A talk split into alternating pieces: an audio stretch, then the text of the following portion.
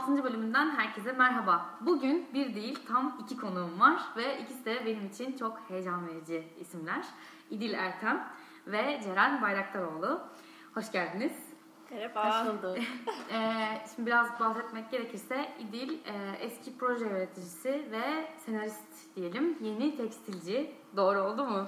Evet oldu tabii. Oldu. Gayet güzel oldu. Ceren ise e, insan kaynakları yöneticisi ve ama ahşap tasarımcısı. Evet. E, ama en önemlisi ikisi de anne. O yüzden bugünün başlığı zaten girişimci anneler. Yaşasın. ama e, yani siz hemen mezun olur olmaz üniversiteden, bu arada ikiniz de Koç Üniversitesi'nden mezunsunuz. Hatta ikiniz de işletme. Evet. E, mezun olur olmaz bu girişimciliğe girmediniz. Önce bir takım yerlerde çalıştınız. E, Doğru. biraz o yüzden bunlardan e, bahsederim istiyorum ben. E, İdil senle başlayalım mı? Olur tabii ki başlayalım. Tamam. Sen e, önce bir kü- küçük bir insan kaynakları tecrübenden sonra Girizgah reklam yapayım. sektörü. Evet. Olur.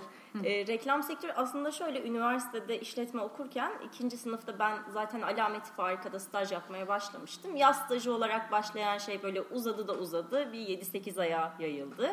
E, alameti farikanın o dönem hala da devamlı e, bir kız kardeş ajansı var. Rabarba Dijital Ajans. Hem alamet hem dijitalde çalışıyordum Rabarba'da. E, çalışıyordum derken staj yapıyordum. Yani çok önemli bir iş yaptığım söylenemez. Bunlar Sadece- bayağı, bu arada reklam dünyasını bilen insanlar için benim gibi bayağı önemli isimler bunlar aslında. Yani Evet. bir sürü reklam ajansı olduğunu düşünürsek bunlar böyle bayağı en önemlileri falan. Evet çok da zaten severek yapıyordum o işi. Onlar da sağ olsun beni sevdiler.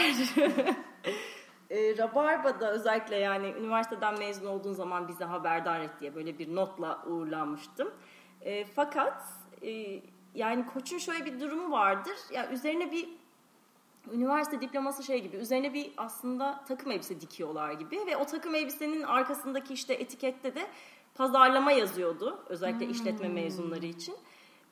Bu böyle Ceren'in Ceren de zaten bahsedeceği bir şeydir. Gerçekten böyle bir pazarlamaya ve işte ne Doğru. bileyim büyük şirkete, kurumsal şirkete doğru yönlendiren bir yer orası seni.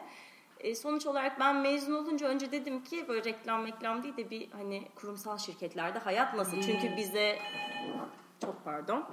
Ee, evet ufak bir telefon arasından sonra ha ha kurumsal şirket dedim. Ha evet. Yani işte kurumsal şirketlere yönlendirdikleri için ben de e, bir kurumsal şirketlerde neymiş ya bu bu kadar pazarlaması reklamı yapılan şey bir göreyim istedim. Bayağı bir başvuru yaptım falan. E, Eczacıbaşı'nda iş buldum. Mezun olduktan birkaç ay sonra insan kaynakları bölümünde. Eczacıbaşı Baxter ve hastane ürünleri işte serum, e, kan kanser hastalıkları ve e, böbrek hastalıkları üzerine çalışan aslında çok büyük, çok eski, çok e, önemli bir iş yapan bir yer. Orada çalışmaya başladım fakat çok zorlandım yani bir, bir sene kadar ancak dayanabildim Bayağı diyeceğim. sürekli iş görüşmesi, insan alımı değil Evet mi? Bu yani işe alım ağırlıklı alım. olarak işte e, pozisyon doldurma üzerine ondan sonra süreçlerle ilgili çalışıyorduk. Yani işte bu paketlerin hazırlanması vesaire konusunda yani herhangi benim yaptığım bir şey yoktu. O senin bahsettiğin konular. Ama genel olarak yani sağlık sektörü olması beni biraz zorladı. Bir de Eczacıbaşı'nın e, çok kurumsal ve çok sistemli bir yer olması da ya bana çok uyan bir e, yapı değildi orası. Yani Anladım. çalışma saatleri çok nasıl diyeyim strict yani Hı aslında işte çok böyle, kurallı. evet, evet. Kıyafet sonra kıyafet var kuralı evet. var. E, bir sürü konu böyle yani çok askeri düzen gibi. Reklam ajansından sonra gerçekten böyle bir şok etkisi yaratmış. Aynen öyle. Bir de benim bütün stajlarım işte daha önce bir tane yani sinema filminde çalışmıştım. Bir yazın bir yazın Yani. stajı da orada yani. Hani orada böyle işte Eczacıbaşı bayağı bir şok olmuş Evet ya. evet güzel güzel bir şok oldu. Evet, evet. Ve e, dediğim gibi ya benim üzerimde de pek durmadı. Birinci senenin sonunda iznimi rica ettim. Bu arada burada biz e, podcast'ten önce biraz sohbet ettik. Orada Ceren sen bahsetmiştin. Senin de ilk bir senen neyi istemediğini çok iyi anlaman üzerine geçmiş galiba değil mi? Yani kesinlikle bence zaten yeni mezun olan insanların ilk önce buna karar vermesi Neyi gerekiyor. istemediğini, değil mi? Çünkü neyi istediğini aslında bu çok yani mükemmel bir şey buna ulaşabiliyor Bence olmak. de. Neyi istediğini tam olarak Bence de. anlayabilmek. Çünkü aslında daha yani daha küçük yaşlarda bile okulda da ailede de hani toplum içinde de bize hani bunu sorgulamaya ve bunu bulmaya çok yönlendirmiyorlar. Aynen. Daha köşeleri çizilmiş, kenarları köşeleri çizilmiş bir kalıbın içinde hani belli iyi meslekler, Evet. hani e, iyi kariyerler, işte iyi hayat dediğimiz hani belli tanımlamalar var. Biz onun içine doğru büyüyoruz ya. Hani o noktada hangisini istiyoruz, hangisini istemiyoruzu sorgulamak çok önemli aslında. Evet o yüzden belki de kötü tecrübeler de önemli bu noktada. Evet. Ya Sonra- burada çok pardon en temel ya ben bu arada yani hani biraz daha geçmişe doğru zaman makinesine bindireceğim hepinizi de benim üniversitede bölüm seçmem bile o kadar saçmaydı ki yani çok bilinçsizce Ellie McBeal izliyordum üniversite sınavına hazırlanırken ve Neydi avukatlık dizisi? evet avukatlık dizisi ve hayrandım yani. Çünkü kısacık mini etekler giyip Evet, işte çok hakimin karşısına geçip yalnız benim bir itirazım var hakim bey diyen o böyle çıtı pıtı kızın hayali gözümün önünden gitmiyordu ve yani tercih olarak koç hukuk yazmışım. Ya Gerçekten. şimdi düşünüyorum. Allah korumuş. Allah korumuş. Yanlış Hukukçu arkadaşlarımız ve bu arada gerçekten iki puan da kaçırdım. O iki puan yani hayatımda başıma gelen en iyi şey dünyanın en mutsuz insanı olacaktım çok yüksek ihtimalle. Sana uymazmış hani. Seveni Ya, de var tabii ki Tabii ama. ki öyle evet. ama yani e, o kadar bilinçsiz, o kadar e, aptalca bir şekilde yaptırılıyor ki bu Aynen, seçim. Yani bu aynen. eğitim sistemi çok kötü aslında. Yani Aynen. çocukların hiçbirinin iyiliğine çalışmıyor. Orası kesin tabii canım. Hani evet. net Ama bir şekilde artık. evet. ya bir biraz böyle büyürken herkes şey yapsın. İşte biri bir sağına sonuna baksın yani. Aynen kendi öyle. içine baksın, ne yapmak isteyebilirim, ne isteyemem diye. Evet. Neyse sadede sonra- gelirsek. Evet. Eczacı Oradan başından ayrıldın. ayrıldım. Hemen tabii koşa koşa Rabarba'ya gittim. Dedim ki ne yapıyorsunuz ya? Siz arayın demiştiniz. Tam olarak da böyle oldu. Dediler ki hemen gel başla. Proje yöneticisi olarak işe girdim. O dönem Rabarba'nın iki tane büyük account'u vardı. Bir Unilever e, kısmı vardı, bir de Turkcell kısmı vardı. İlk başta Turkcell'le başladım ama iki kreatif direktör vardı yani ajansın. Bir tanesi Unilever'i üstlendi, öbürü e, Turkcell'i üstlendi. Ben Unilever'i üstlenmiş olan Serdar Saban'la e, çalışmaya başladım yani. Birebir Serdar'la beraber çalışıyordum. Öyle olunca ürüne geçtim. Unilever tarafındaydım. İşte Axe, Cornetto, Magnum, e, Dove ve bunun içinde işte Signal var. Vaseline o dönemde giriyordu. Lipton çalıştık. Bayağı bir Unilever markasıyla Peki çalıştım.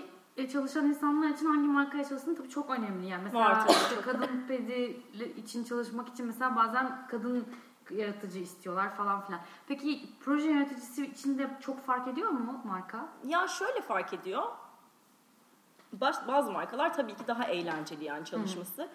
Ee, Axe erkeklerin çalışmak için can attığı bir marka yani. Hı hı. Axe çünkü lansman yapıyordu ve işte eski Victoria's Secret meleği Victor şey neydi? Carolina Kurkova'yla çalışıyorlardı. Buradan kalktılar New York'a Carolina ile film çekmeye gittiler bizim ajanstan. Ondan sonra geri döndüler. Carolina buraya geldi. Ben de tanıştım kendisiyle. Gerçekten saçma sapan güzel bir insan falan filan. Yani hani orası öyle eğlenceli. İşte Vazeline'in e, şey kısmında, lansman kısmında işte biz böyle bir ufak tefek çalışmıştık. Ben ona çok heyecanlanmıştım. Çünkü böyle daha işte kadın işte bakım vesaire falan filan. E tabii ki kendi konun olduğu zaman Doğru. daha çok heyecan duyuyorsun. Eğlenceliydi yani genel olarak Anladım. o dönem. E, fakat yani e, Rabarba'da ne kadar 3 seneye yakın çalıştım. E, sadece şöyle bir şey var. Reklam sektörü çok erkek egemen bir yer. Yani kadın olarak çok fazla var olabilme şansın Zor galiba. zor. Yani biraz zorluyor.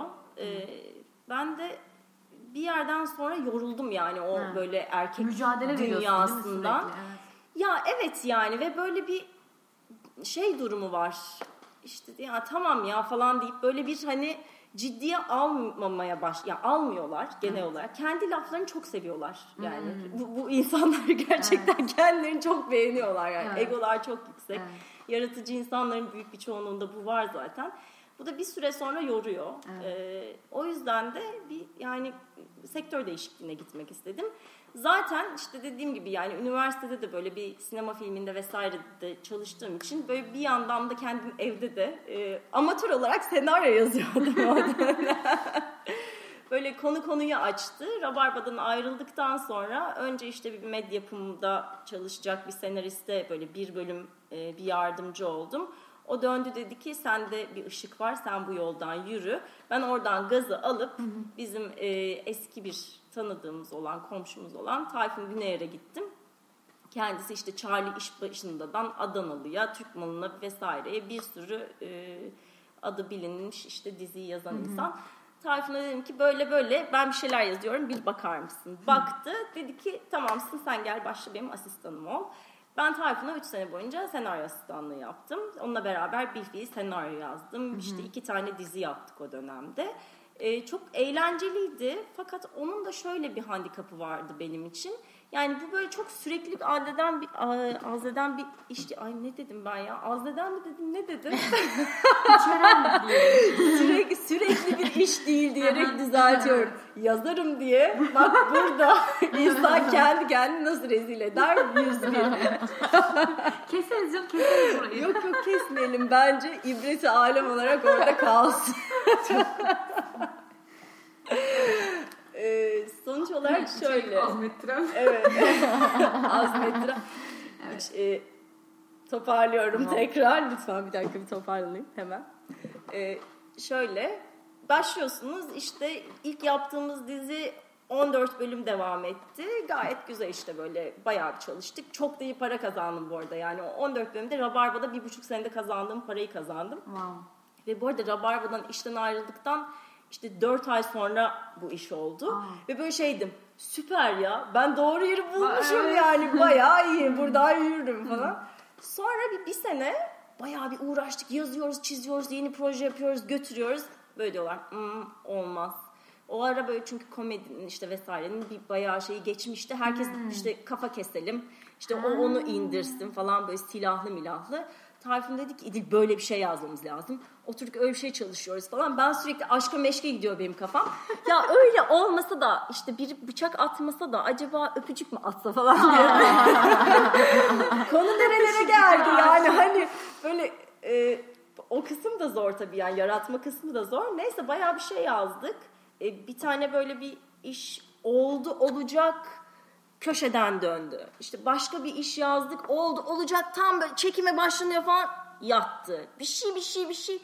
Ya böyle 1, 2, 3, 4 falan e, bir sene falan iş yapmadık. Benim tepemi tasa atmaya başladı. Ne oluyor ya falan çünkü hani sürekli birilerine bir şey beğendirmeye çalışıyorsun.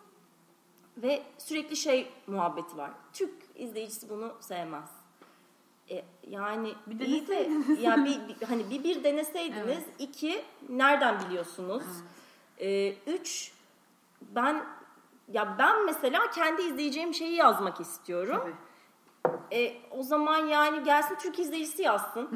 hani o da Evet, olmuyor. aynen. E, zaten zor bir iş yani. Hani yaratması da zor, yazması da zor vesaire Bir de vesaire vesaire. boyunca sürekli bir emek veriyorsun ama karşılık almıyorsun Evet karşılık da almıyorsun. Evet, gerçekten Yani yorucu. tamam güzel para kazanmıştım yani ve buna da hazırlamıştım kendimi Hı, olacak hı. bunlar diye ama e, o böyle bir yıpratıcı bir süreçti. Sonra e, bu arada yani işte ben evlendim vesaire. Daha doğrusu evlenmedim. Önce hamile kaldım sonra evlendim ama yine de yani hani benzer Aynı şey şekilde ilerliyor mesele.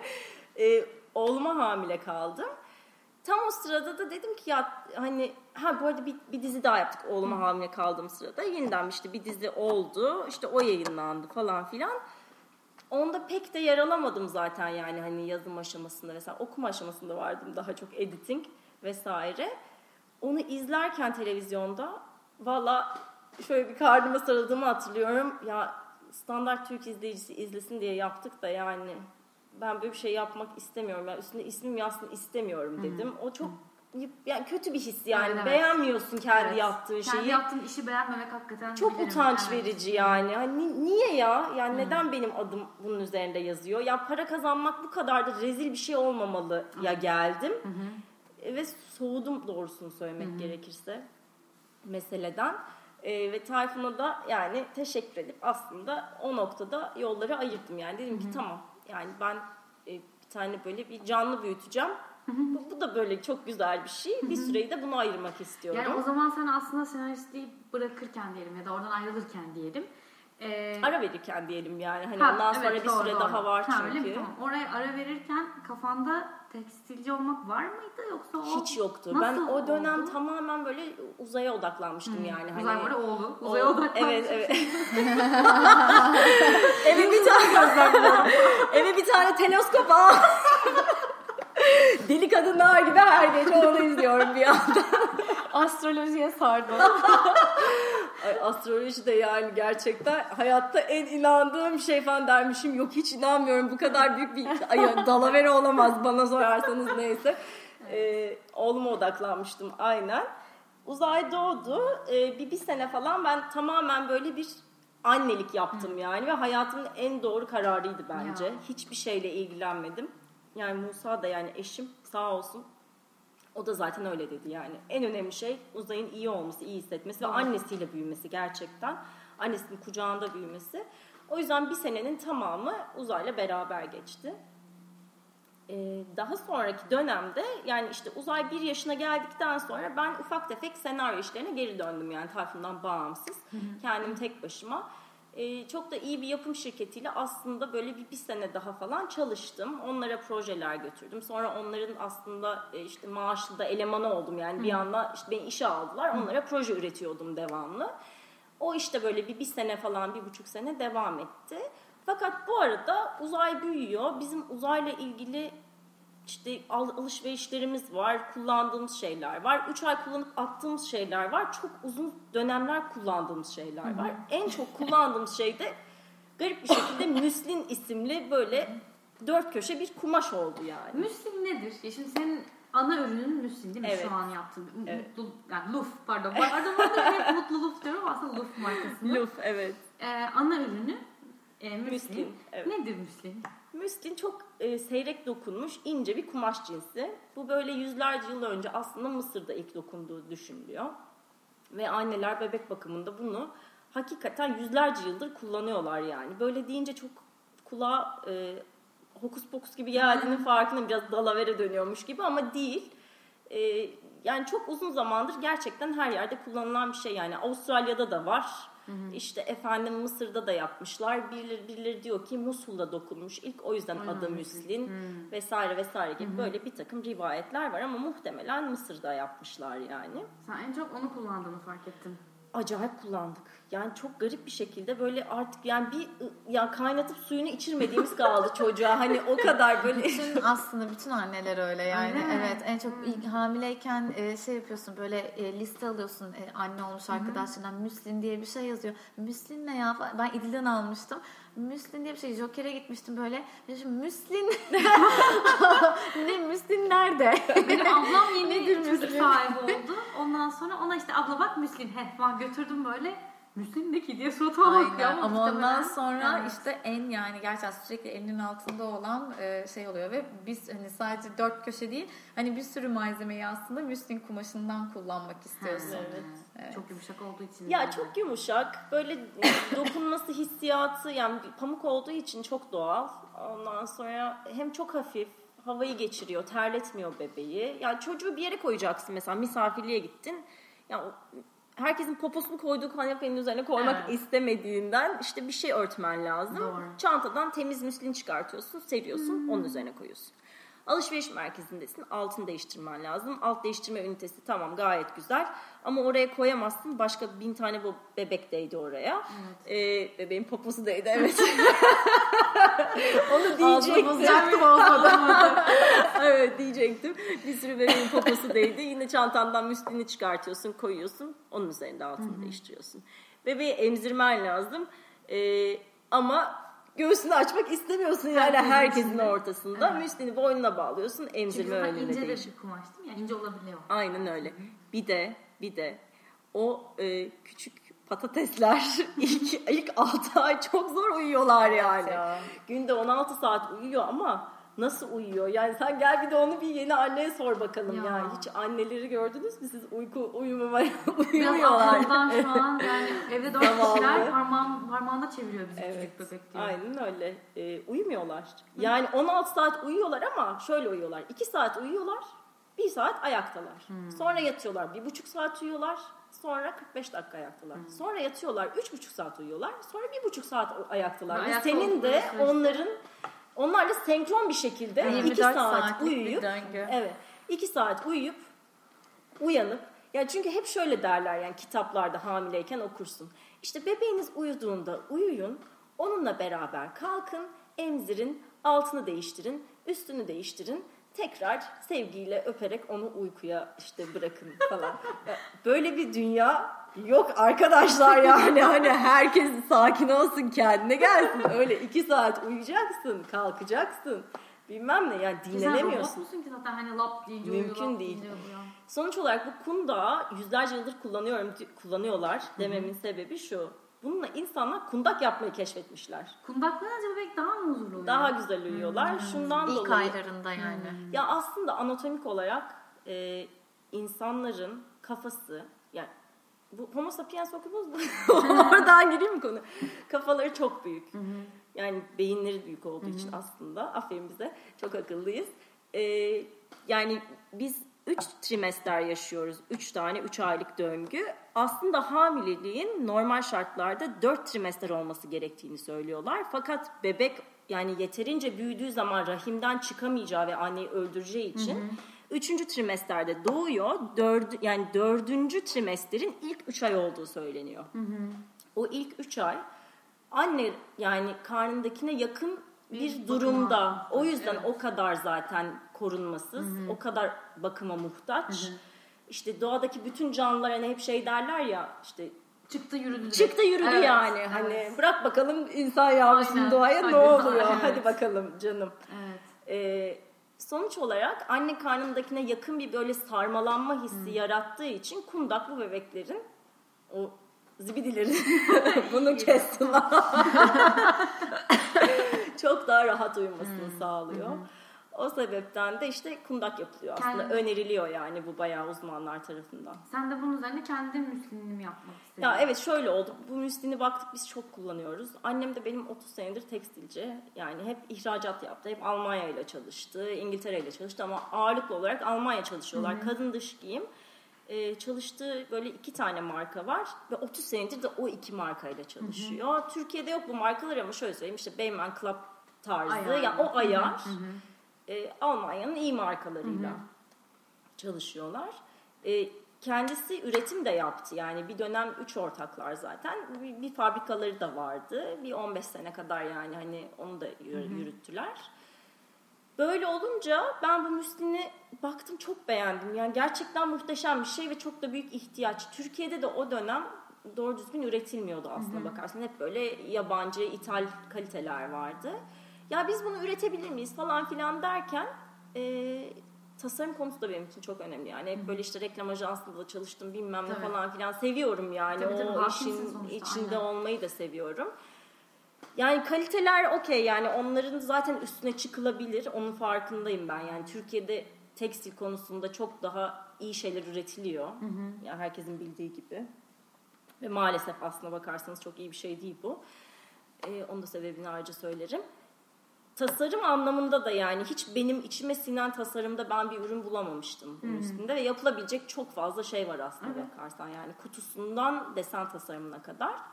Sonuç olarak öyle çıktı yani fikir. Hani uzaydan sonra neden olmasın yani böyle gerçekten bebekler için yani hem sağlığa zararlı zararı olmayan hem doğaya minimum zarar verecek işte hem tasarımı çok güzel hem kutusu ambalajı çok güzel ama geri dönüşümlü Evet. kağıtlardan yapılmış Aynen. üretilmiş bir marka neden olmasın yani ya bizim niye böyle gerçekten tasarım markamız niye olmasın bebekler için Evet. hani? Çünkü yurt dışında Hep çok yurt fazla dışında, örneği var aynen. bunun. Gerçekten çok var. Yani çok ufak e, yurt dışındaki bir sürü işte ülkede ufak bebek butikleri var bebek mağazaları var bebek markaları var. Instagram'da hepsini bizim aslında ayağımıza getirdi yani görüyoruz. Evet. bütün o hayranlık hani e ama burada ne var? E, e bebeğe mi gideceğiz yani şimdi diye geliyor. evet. E o da beni çok mutsuz etmişti yani. Aynı şeyleri ya da benzerlerini biz burada yapabiliriz bildiğim de için annem bu işin içinde olduğu için Luf markasını yaratmaya karar verdim. Süper. İsmini Peki- de Uzay buldu bu arada. Öyle mi? Evet. Nasıl oldu? Çok saçma. Şöyle e, uzay uzay ben neyim falan diyorum mesela. Anne sen goril. Böyle falan diye arada göğsüne yani, vuruyor. Yani fotoğrafını görecek zaten dinledin ama böyle incecik böyle Ufak tefek bir insansın. Neden goril acaba? artık, artık yani. Hiçbir fikrim yok. Uzay sen nesin deyince de ben fil diyordu ve işte fil nasıl ses çıkartır yapıyordu yani. Yani aslında küçük bir filin uf yani Aa. luf sesini çıkartmasından Aa, markanın adı ortaya çıktı. O yüzden desenleriniz yani Evet. şey, gerçi başka hayvanlar da var ama fil önceki ve ambalajlarda fil, fil Evet var. yani asıl böyle yani şeyimiz üstüne markayı üstüne kurduğumuz desen fil deseni işte ismi oradan geliyor. Bütün böyle e, şey ambalajlarında vesairesinde de yani o minik filimizi kullanıyoruz. E, böyle ortaya Peki çıktı yani. şu an senin esas mesleğin bu değil mi artık? Tabii, Ve yani. Böyle devam etmesin. Yani bunu büyütmeyi Evet. falan hayal ediyorsun. Ama Evet. senaryoyu peki ne yapmayı düşünüyorsun? Ya bir yandan işte bir iki tane böyle ufak şey geldi. Hmm. Bir hikaye yazdım gönderdim. E, orası bir yandan devam edebilir. Değil mi? Ama Keyifli ben projeler geldikçe. Bu kısmı çok sevdim Ha. Sıla'ya. Yani çok daha fazla heyecan duyuyorum. Hmm. Çünkü gerçekten her kısmına kendim karar verebiliyorum. Ve Doğru. hiç şeyim yok bu sefer. O beğenir mi bu mi? Ya umurumda da değil Değil doğrusunu mi? söylemek Aynen. gerekirse yani. illa böyle hani bana çünkü şunu çok söylediler. İşte mesela deseni basitleştir. Hı. Ee, biz en yüksek kalite dijital baskı kullanıyoruz ve benim maliyetlerim hakikaten çok yüksek. Yani bütün rakiplerinkine oranla. Müslim'de yani daha doğrusu baskıda şöyle bir şey var tekstil baskısında. Ne kadar az renk ve işte e, objeye girersen Evet. eğer baskıda rotasyon baskıya dönebiliyorsun. Çok daha ucuz bir baskı tipi bu. E, ve işte yani benimkinin yarı maliyetinde olabiliyor. Ama o zaman senin hayalin tasarımın ürün Evet yani bizim olmalı. işte desenlerin her birinde 10 tane 12 tane bir tanesinde 14 tane renk var. Yani bunu ben dijital baskıyla basıyorum. Parasını hiç umursamadım yani. Gerçekten en güzeli olsun. Evet. Ee, Ökotek sertifikalı zaten bütün ürünler. Bir de yani üreticiyi de ona göre seçtik. Bizim üreticimiz Denizli'de. Zaten Jacquard, işte Çakra, Chico vesaire gibi bir sürü dünya markasının zaten 20 senedir e, çocuk bebek tekstil ürün üretimini yapan yer. Onun da en iyisi olsun. Evet. İşte efendim ambalajının da en iyisi olsun. Bilmem nesinin de en iyisi olsun. Her şeyin en iyisi, en güzeli böyle detay detay detay detay detay uğraşmasını çok seviyorum ve kararı ben veriyorum yani. Ve Doğru. insanlar da beğeniyorlar bu arada. Yani çok yeni bir marka olmasına rağmen böyle satın alan herkes e, hem çok güzel mesajlarla geri döndüler Hem de paylaşıyorlar de Teşekkür ettiler. Hem paylaşıyorlar Evet. hem de çok tavsiye ediyorlar yani hani e, işte bir birin bir arkadaşım daha doğrusu teyzem bir e, arkadaşlarının kızına hediye almıştı. Bu arkadaşlarının kızı o kadar beğenmiş ki kendi Paris'te yaşayan işte bir arkadaşı doğum yapınca bizim bütün ürünlerden oluşan kocaman bir paket yaptırdı. Buradan Paris'e gönderdik. Ya bu çok büyük mutluluk Evet, verici bir şey. canım. Çünkü kullanıcı hakikaten çok beğeniyor ve çok memnun kalıyor. O yüzden bir alan dönüp bir ikinci defa satın alım yapıyor benden. Evet. Ya en güzeli bence şey hani sen kalitesine çok önem vererek ürettirdin ya yani o kalite farkını bence e, kullanıcıların fark etmesi ve takdir etmesi Evet, emeklerini çok değiyor. önemli. Evet. En Ya, büyük tatmin o herhalde. Evet öyle gerçekten. Yani bu arada şimdi kızlara göstereyim de size podcast'te şey yapamayacağım. Neyse ben size bunu şeyden sonra göstereyim. E, dün ona ona benzer böyle bir mesaj aldım. Hakikaten böyle ayaklarım popoma vurdu yani. Ay ne kadar çok popo dedim ya. Benim insanlar sıkıntı olduğunu düşünecekler. Bu ne? Bunları seviyor. ya gerçekten bir meselem yok popo konusuyla. Ya çocuklarla fazla vakit geçirmekten olabilir. Alt değiştirmekten çok uzun süre. Ee, yani çok memnun kalıyorlar hakikaten çok beğeniyorlar. Kalitesinden de herkes böyle çok övgüyle ve böyle mutlulukla bahsediyor. O yüzden çok mutluyum. O zaman e, dinleyicilerimiz nereden? Artık web sayfan açıldı. Bence Evet. Instagram yerine web sayfasını Tabii söyleyelim. tabii tabii mutlaka. Aynen öyle. e, luf.com.tr Ama iki F ile İki değil mi? F ile. Luf- L-U-F-F, evet. L-U-F-F.com.tr luf.com.tr Zaten ben Instagram'da gene de paylaşırım. Ay tamam yaşasın. ya bir evet yani web sitesine de çok uğraştık. İçinde böyle hem süreçle ilgili bilgi var hem işte Müslim nedir ne işe yarar. Ondan sonra benim bu anlattığım her şeyin çok daha değerli toplu ve e, illüstre edilmiş. Daha az popo. daha az popolu ve daha e, illüstrasyonlu, çok daha cici versiyonu var yani. Girip bakmak isterseniz hepsini orada bulabilirsiniz. Süper. O zaman şimdi e, Ceren'cim sana geçelim. E, aslında ben sana hikayeni sormak çok istiyorum ama bir taraftan da senin ahşap tasarımların beni çok heyecanlandırıyor. O yüzden acaba birazcık onlardan mı önce başlasak ya da sen nasıl Tabii. istersin? Yani daha doğrusu e, ilk nasıl başladığını bize anlatırsan süper olur. Tamam.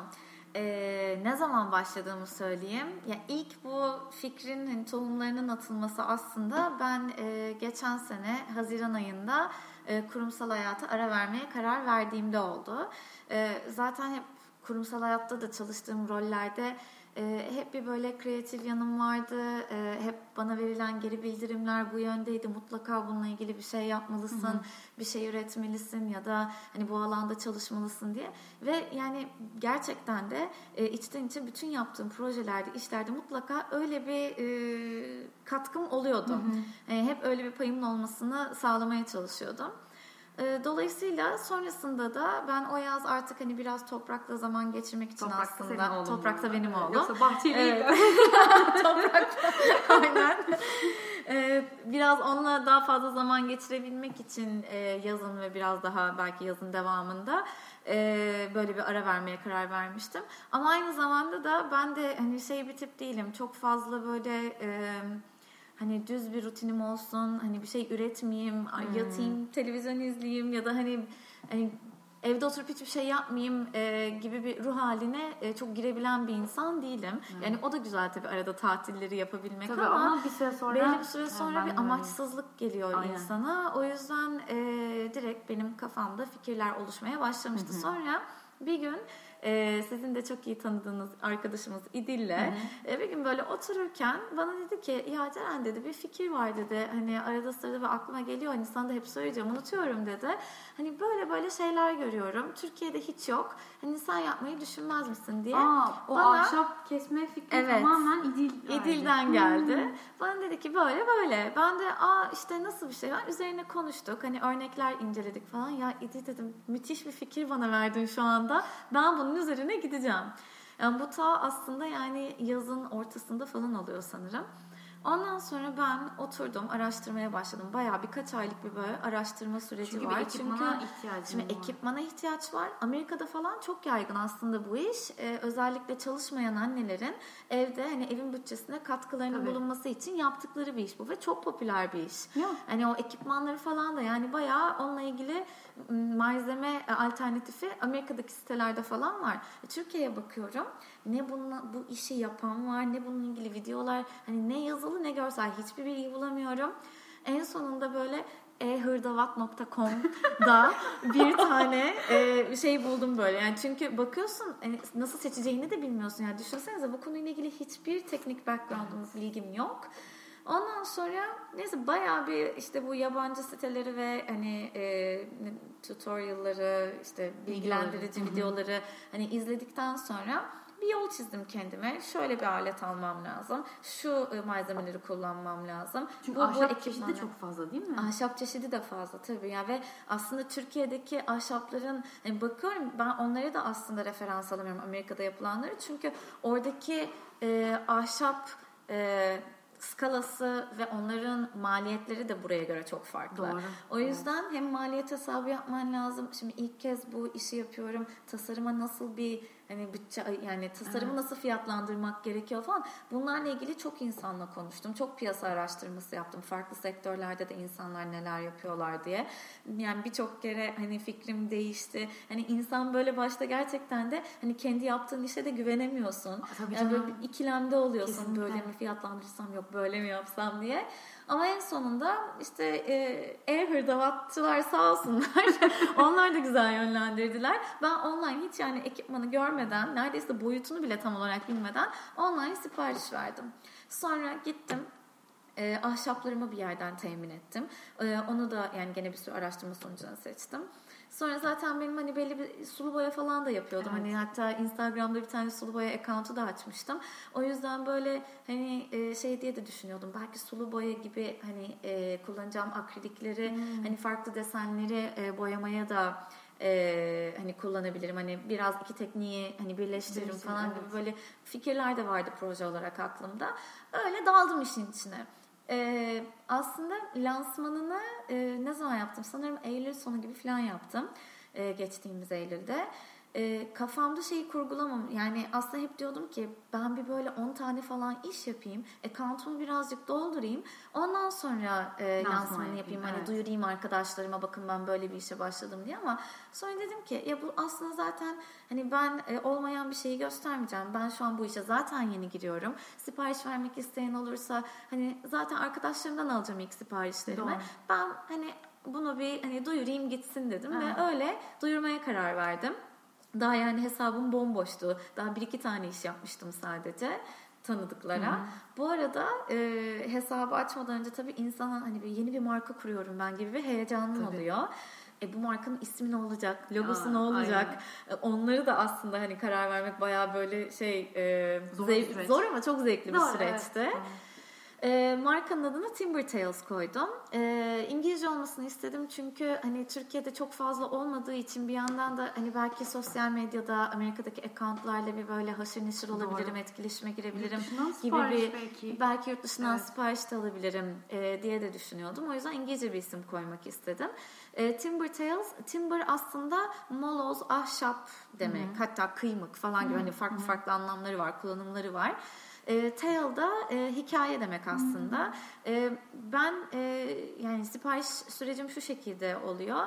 E, karşı tarafa diyorum ki e, ne yapmak istiyorsunuz? Genelde bebek isimleri oluyor zaten. Hani tam onu da birazdan anlatırım zaten ne tip işler yaptığımı.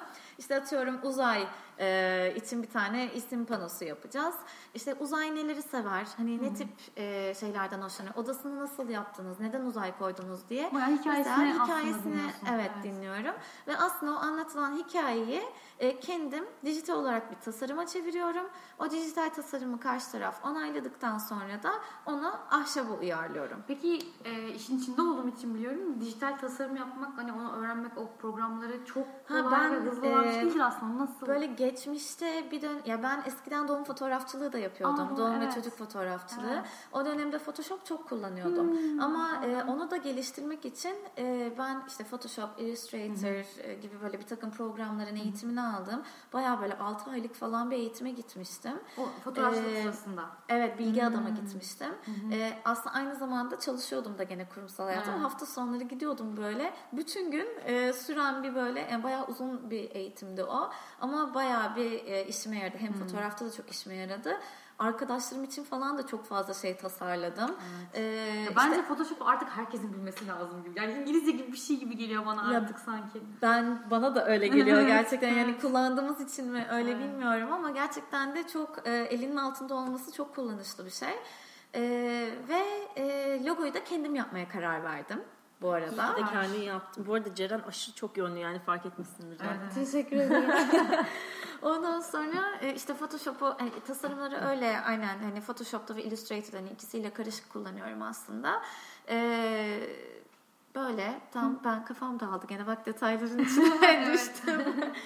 E, siparişleri de ha, o yüzden Timber Tales Timber ismini evet. koydum onu anlatıyordum. Evet. O yüzden Timber Tales ismini koymak istedim. Hani orada bir hikaye var aslında. Yani sadece benim gözümden yapılmış bir tasarım değil. Aslında karşı tarafın bana anlattığı çok kişiselleştirilmiş bir ürün çıkıyor ortaya.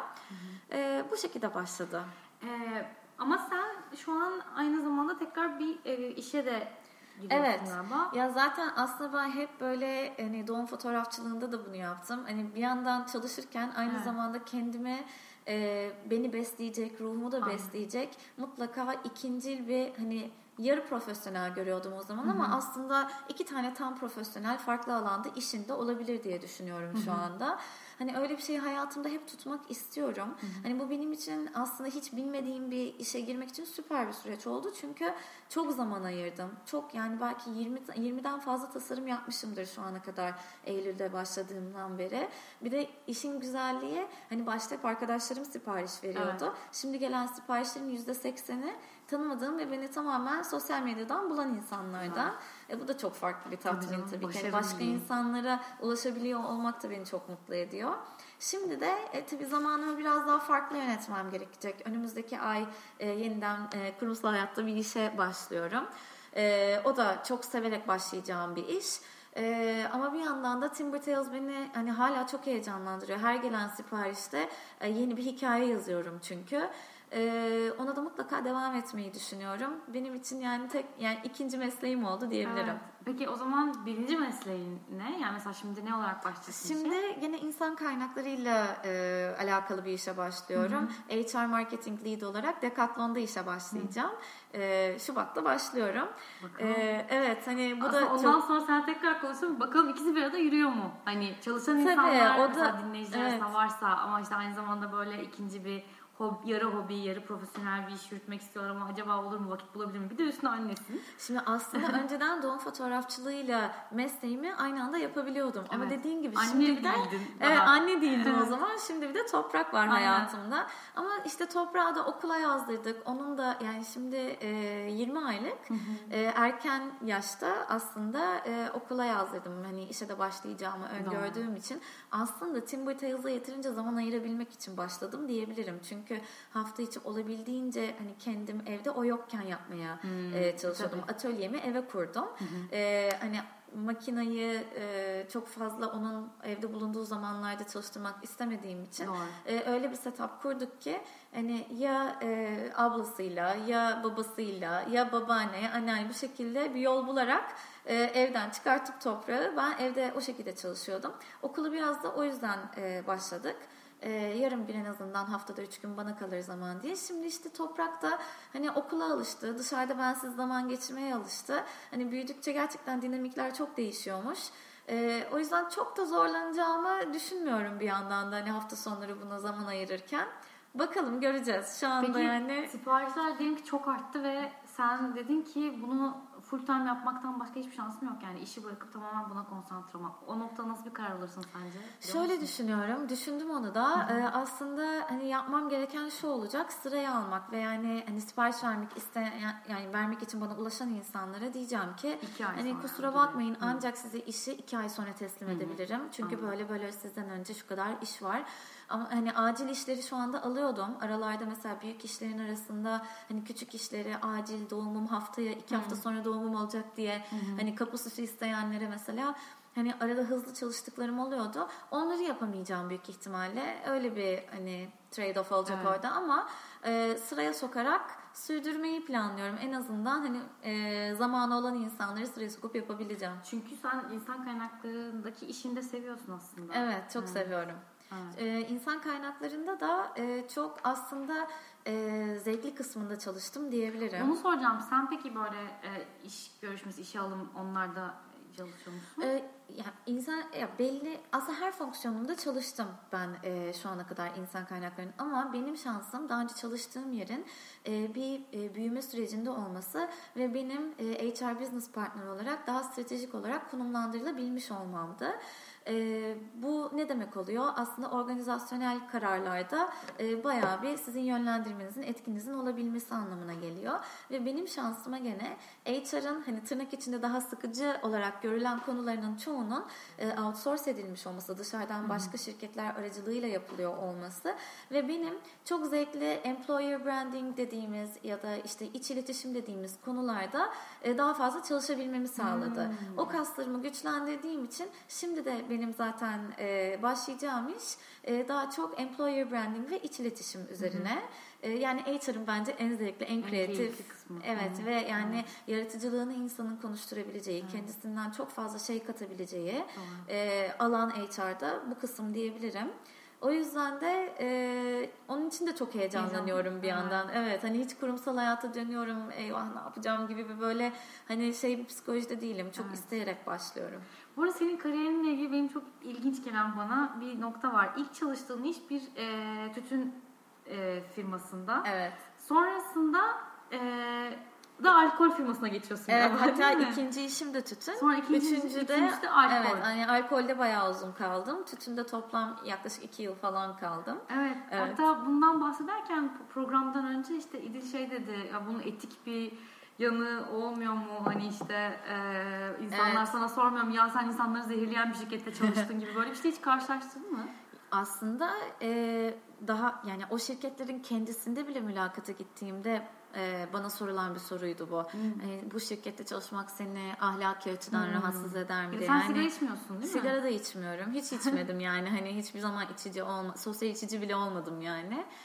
E, yani ben aslında mezun olduğumdan beri hiç işi o tarafından bakmadım. Yani beni e, etik olarak hiç rahatsız etmedi. Çünkü aslında siz orada bir iş alanını hani icra ediyorsunuz. Yani yaptığınız şey e, orada e, kullanıcı arttırmak değil, mevcut kullanıcıya farklı şekillerle ulaşmak gibi yorumluyordum ben. Evet. Yani ben kimseyi fazladan zaten sigaraya alıştırmak gibi Evet. hani bir evet aksiyonda bulunmuyordum. Ya da Öyle bir hedefle gitmiyordum. Zaten o kadar büyük bir havuz ki hani e, Ben satmasam başkası satacak gibi bir durum mu? yani o işte o aslında biraz kendini rahatlatma gibi bir belki açıklama oluyor ama tam olarak o da değil. Yani kendi yaptığım işi gerçekten de yeni kullanıcı kazanmaya çalışmak olarak görmüyordum. O yüzden de böyle gerçekten hiç rahatsız olmadım tütünde çalışırken. Alkolü zaten öyle hiç görmüyorum. Yani tütünle alkolü bir e, görmüyorum sektör olarak. Ne kadar Türkiye'de ikisi de artık hani iletişim yapılamayan karanlık pazarlar olsa da e, hatta yani tütün tamamen siyah pazar oldu. Hani şey e, alkol hala karanlık pazar diyebiliriz. E, yani alkol biraz daha farklı. Yani a- a- şimdi burada tabii yapacağım açıklamalar e, farklı yere çekilebilir ama alkol sağlığa zararlı değildir. Öyle gibi bir cümle kurmak istemiyorum. Keyif vericidir. hani o konuya girmek istemiyorum ama. Neşe kaynağıdır canım. e, Ama yani tütün siz değil mesajı aldınız. Yani. Ama yani gerçekten de ben hani e, alkol çok daha keyifli bir e, sektördü benim için. Hani yaptığım iş de belki daha farklıydı. Ben tütünde satışta çalıştım. E, alkole geçtiğimde pazarlamayla başladım. Daha sonra İK'ya devam ettim.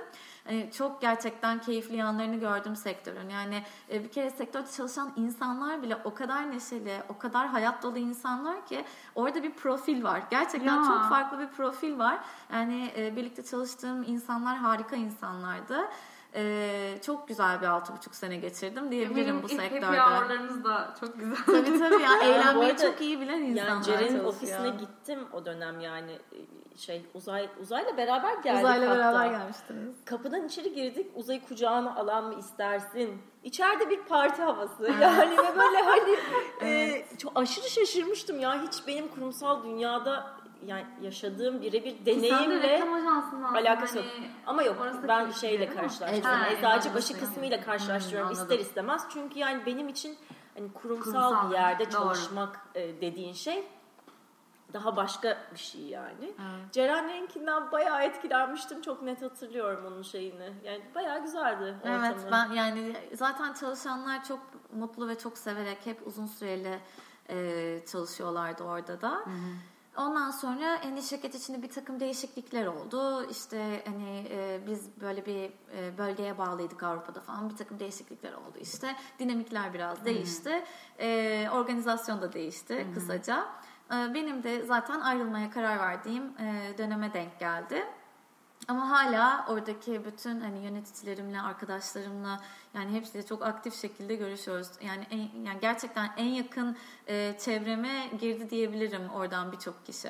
Evet gerçi 6,5 sene de kısa değil. Evet, Ama yani evet. iş arkadaşının bu kadar yakın olması güzel. Evet çok güzeldi. E, böyle. Peki Timber Teyriz'i nereden ulaşabilir insanlar? Şimdilik Instagram üzerinden mi? Ben sadece Instagram üzerinde şu anda iletişim yapıyorum. Bir web sitesi yapmadım. Ee, zaten aslında hani İdil'in işi gibi benim böyle sirkülasyonu Farklı, çok evet. e, evet hızlı olan bir Evet. iş olmadığı için genelde Timber Tales üzerinden bana ulaşıyorlar e, direkt mesaj atarak. Sonra genelde WhatsApp'a geçiyor, telefonlaşmaya geçiyor zaten konuşmalarımız. E, o şekilde siparişleri alıyorum. Tamam, ben o linkini koyarım zaten artık. Tamam. Peki çok teşekkürler. 50 dakikaya yaklaştık. Yordum sizi. Süper. Evet çok sağ olun. Biz teşekkür tekrar. ederiz. Teşekkür ederim. Ee, artık dediğim gibi ilerleyen zamanlarda başladınız ama bakalım yürüyor mu, ne zorluklarla karşılaşıyorsunuz tekrar bir soracağım yani çünkü. Süper, çok sağ ol. Sevgili dinleyenler, Hayatlar Hikayelerin 6. bölümünü dinlediğiniz için çok teşekkürler. Ceren, İdil ve diğer tüm konuklarımla ilgili bilgi ve fotoğraflara Hayatlar Hikayeler isimli Instagram hesabından ulaşabilirsiniz. Eklemeyi unutmayın, yorum yapın, soru sorun ve hiçbir yeni bölümü kaçırmayın. Haftaya görüşmek üzere. Herkese sevgiler.